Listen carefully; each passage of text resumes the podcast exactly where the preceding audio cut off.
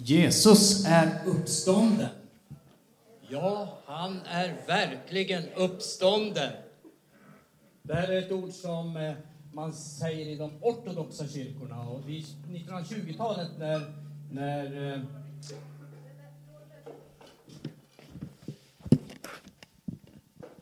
Så. Åh, vilket bra ljud det blev. Eh, på 1920-talet när kommunismen var på frammarsch i, i eh, Sovjet så eh, var det en eh, som kom på besök på ett ställe och han, skulle, han hade undervisning, talade om hur bra ateismen var. Och han hade ett långt föredrag om det hela. Och sen så sa han, ja, och så är det öppet för kommentarer och frågor. Och då reste sig en, en eh, ortodox präst. Och så vänder han sig mot den stora samlingen och så säger han, Jesus är uppstånden. Och alla svarar, ja han är verkligen uppstånden. Det blev lite eh, slut på den här, eh, det här föredraget i samband med det. Jesus är uppstånden. Vi ska läsa en text ifrån Galaterbrevet 2.20. Och nu lever inte längre jag, utan Kristus lever i mig. Och det liv jag nu lever i min kropp, det lever jag i tron på Guds son som har älskat mig och utgivit sig för mig. Det är Paulus som skriver de här orden. Och han säger att han lever inte längre, utan Kristus lever i mig. Och man skulle kunna säga att det finns två väldigt starka spår när det gäller Jesu uppståndelse det ena är det historiska spåret, fakta i målet, det juridiska. Och det andra, det är människors upplevelse av Jesus och vad det innebär.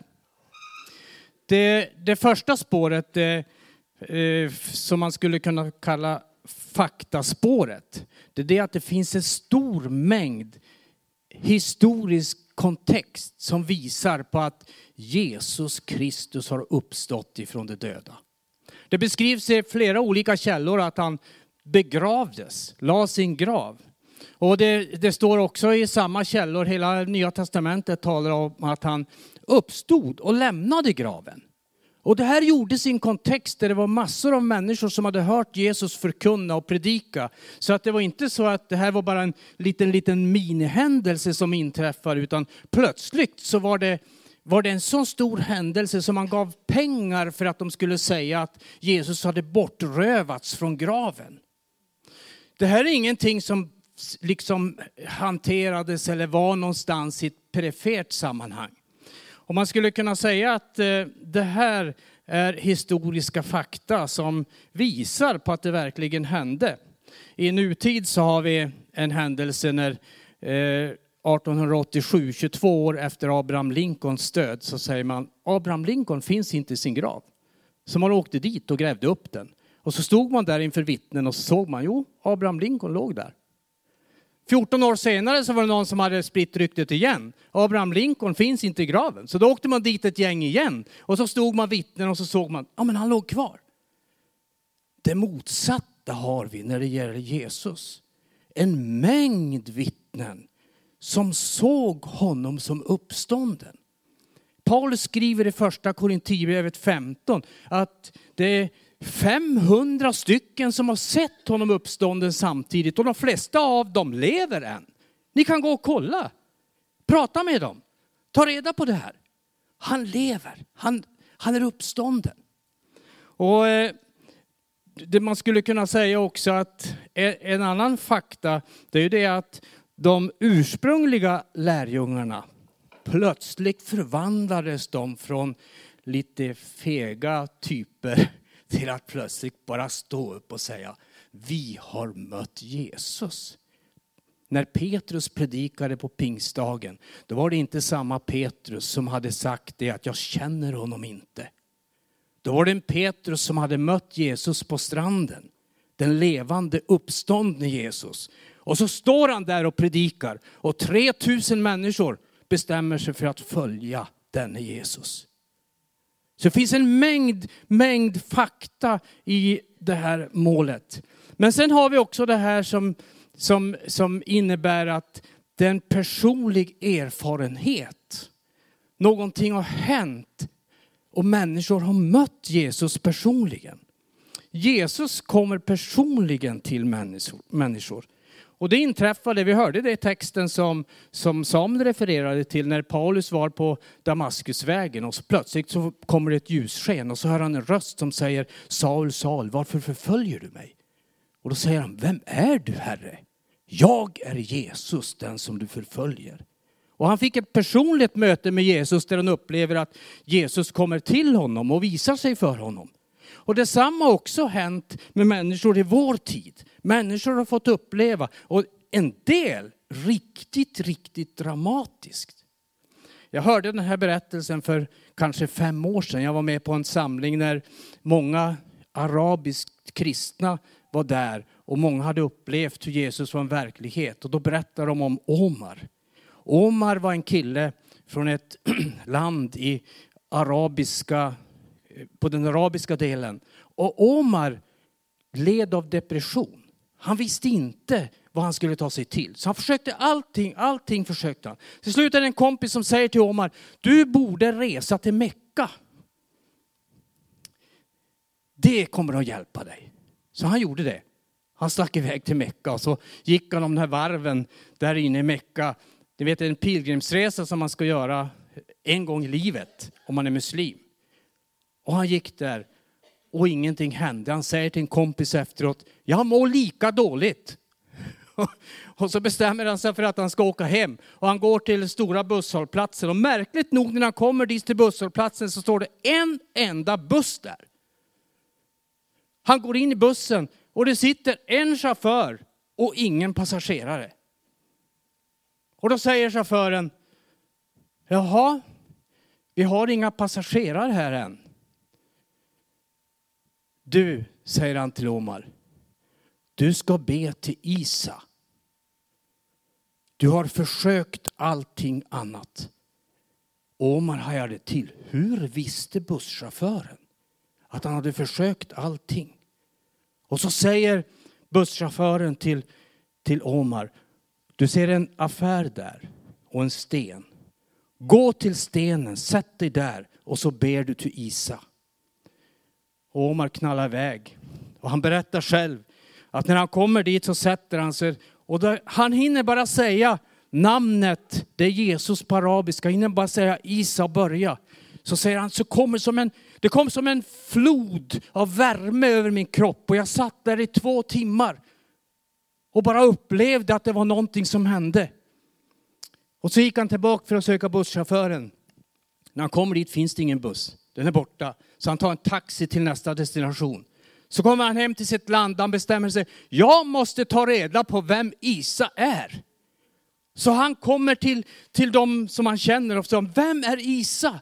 Till slut är det någon som säger, du jag har fått en DVD som heter Isa. Och då, då var det Jesusfilmen. Och den var på, fanns också på arabiska. Och den här killen säger, vi kan väl titta på den. Så han bjuder hem Omar, och han kommer och de äter tillsammans. Och så sätter de sig och så börjar de titta på, på filmen. Och så kommer Johannes döparen. Och så kommer Jesus och ska döpas av Johannes. Då säger Omar, nämen, titta! Det är busschauffören. Jesus som kom gående och skulle döpas av Johannes, han såg exakt ut som busschauffören, han hade varit i bussen. Omar tittade på hela filmen, följde med. När Lukas evangeliet avslutas så bestämmer sig Omar, jag vill bli kristen. Och han ber med. Idag har Omar fått lärjungauppföljning av någon som bor i ett annat land än han, för det är lite för farligt i det här landet. Men han är en Jesu Kristi lärjunge och följer Jesus. Han fick möta Jesus, bokstavligen. Ibland är det sånt som händer. Jesus vill möta dig och mig personligt och ibland så händer det rent bokstavligt att vi får göra det mötet. En del av er kanske vet vem Mikael Grenholm är. Han har en, eh, en podd, eller en hemsida som heter Hela Pingsten. Gå gärna dit och läs, det är väldigt intressanta inlägg. Men som 15-åring så upplevde han hur livet blev svårt och tungt. Och han upplevde att på något vis kom det här livets slut och förgänglighet väldigt nära honom. Så han, han började, började söka och började be. Och så berättar han, plötsligt inträffade det. Han började be till Gud, han säger, Gud visa dig för mig. Och han säger, i ett års tid, varje gång jag bad den bönen, så såg jag Jesus för min inre syn. Och det höll på hela tiden i ett års tid. Och så säger Mikael, jag tvivlar inte och nu vet jag också genom dokumenterade berättelser från Bibeln att det är en verklighet. Och jag mötte honom. Du kan också få göra ett möte med Jesus. Ehm, om ni är intresserade av fler från Mellanöstern som har mött Jesus så finns det en sida som heter I found the truth ifoundthetruth.com. Där har vi videosekvens efter videosekvens av människor från Mellanöstern som har fått möta Jesus. Och dagen så är det vanligt, den här månaden, Ramadan, är det vanligt att människor från muslimvärlden får en vision, en dröm, får se Jesus och Jesus talar om för dem att han är Isa. Han är den som kan ge liv. Jesus berör människor med sin makt. Det står så här i Apostlagärningarna 3. När, när Petrus och Johannes kommer där. Ni vet, de hade, han hade predikat Petrus och 3000 hade blivit kristna. Och så började han gå runt i Jerusalem och började be för människor. Och det står till och med att Petrus skugga kunde falla på någon och plopp så hoppar de upp. Det var en kraft där som var utgjuten i detta sammanhang som var helt enorm. Och där står det i, i Apostlagärningarna 3-10. Petrus och Johannes var på väg upp till templet vid bönetimmen. Den nionde timmen. De arvade dit en man som varit förlamad från födseln. Varje dag sattes han vid en tempelport som kallas Sköna porten för att tigga av dem som gick in i templet. När han nu såg att Petrus och Johannes skulle gå in i templet bad han om en gåva. Då fäste de blicken på honom och Petrus sa, se på oss. Mannen såg uppmärksamt på dem och väntade sig att få något. Men Petrus sa, silver och guld har jag inte, men vad jag har det ger jag dig.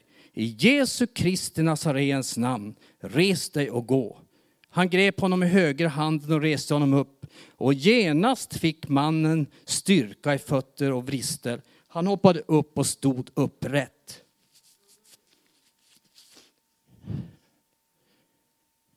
Jag eh, förberedde predikan igår och så hade jag tappat min eh, luva. Jag har inte hittat den än, men eh, mössa. Så gick jag förbi här i kyrkan och så tänkte jag, det kanske ligger här. Och så jag gick och bad och så tänkte ja, jag fortsätter väl gå. Men så tänkte jag, ta med mig lite, lite eh, godis och lite grejer och så går jag ner på stan. Så tänkte jag, jag kan väl dela ut till de jag träffar. Och så kommer jag dit ner på, på andra sidan Stortorget. Och så sitter de på en bänk och så hör jag Paulus på väg till Damaskus. Jag tänkte, vad är det? Och då, då sitter en av, av de kristna här i stan och vittnar för en annan. Så jag gav godis till den som var vittnade och sa Gud välsigne dig. Och han säger, det här är pastorn i Hedvigslundskyrkan.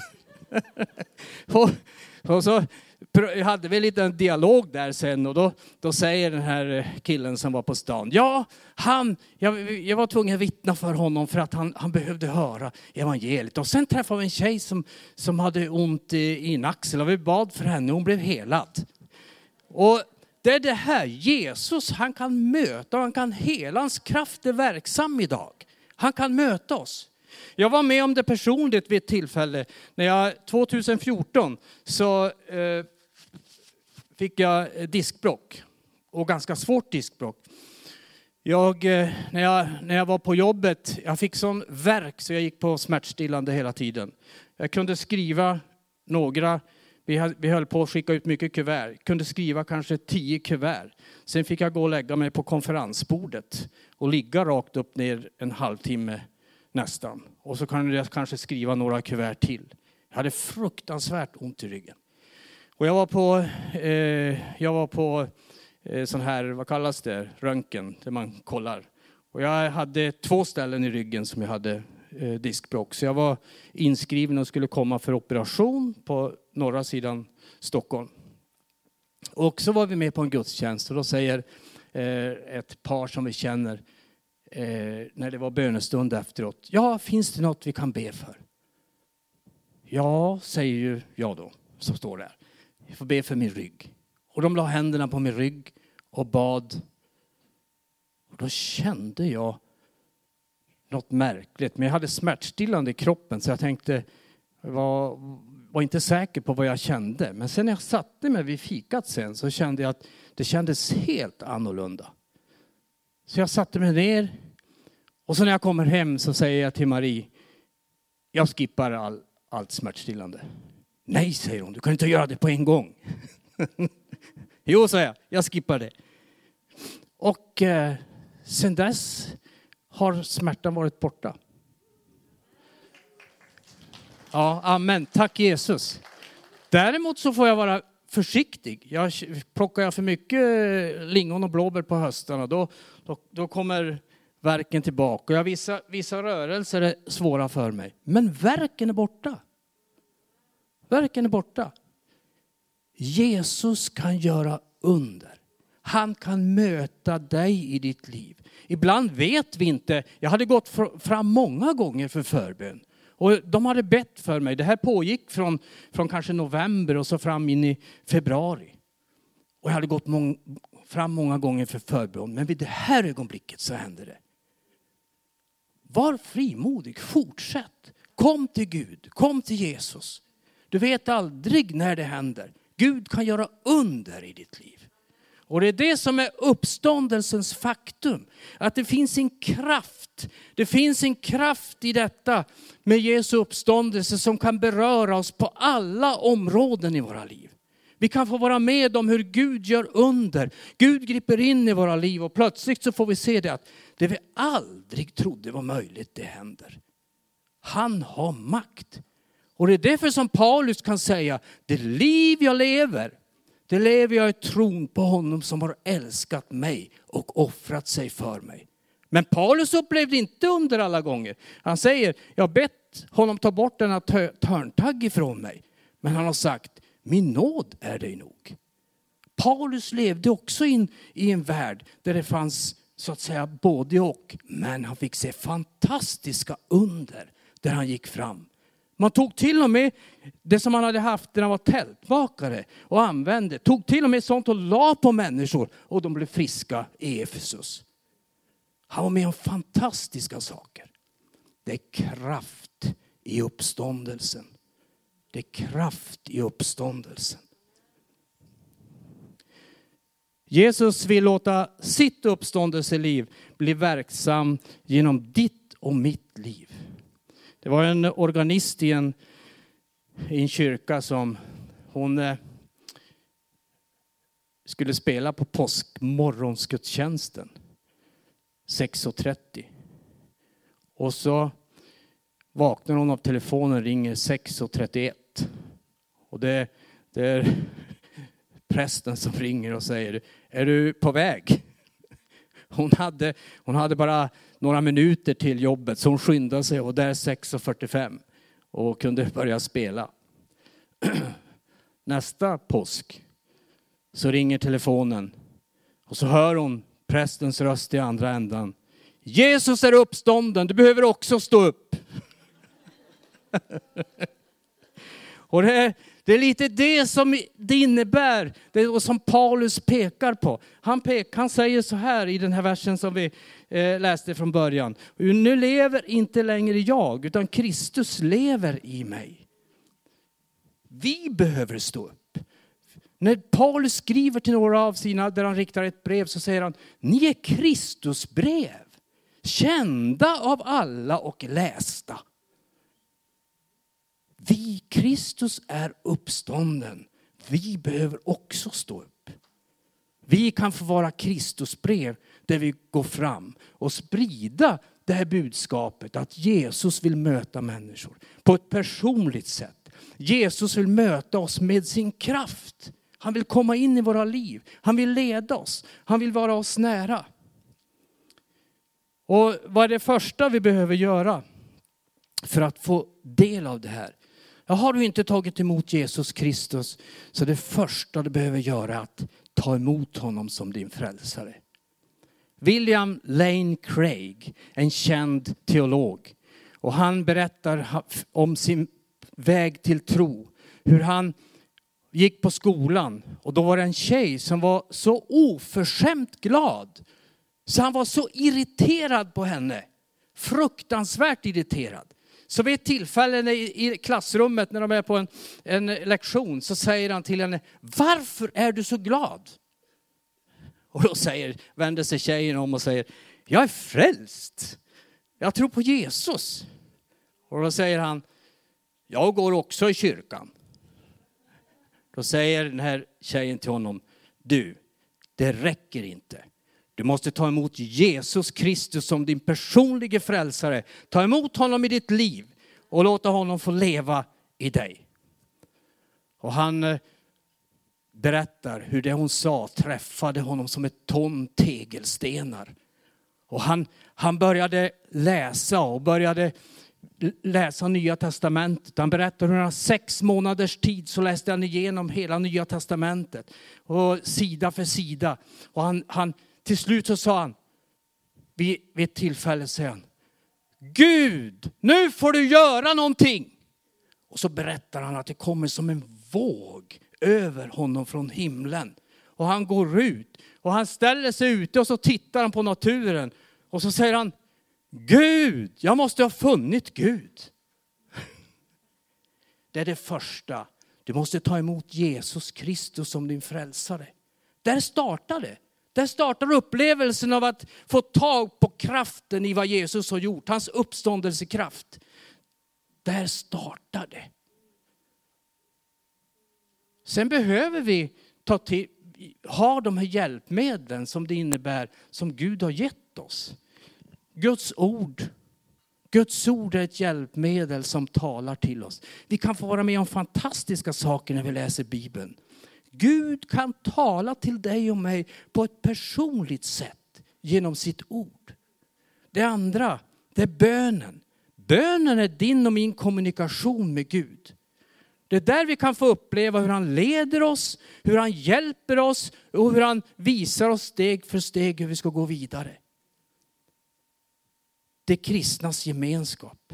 Tänk att få vara i ett sammanhang där du säger, åh nu vet jag inte vad jag ska göra med det här. Men då säger någon annan, vi ber tillsammans. Vi ber för det här. Vi är inte så många som kommer hit till kapellet på, på eh, tisdagar. Det är kanske en dålig tid, 11.30 på, på tisdag förmiddag. Men vid ett tillfälle så var det en kvinna som var här.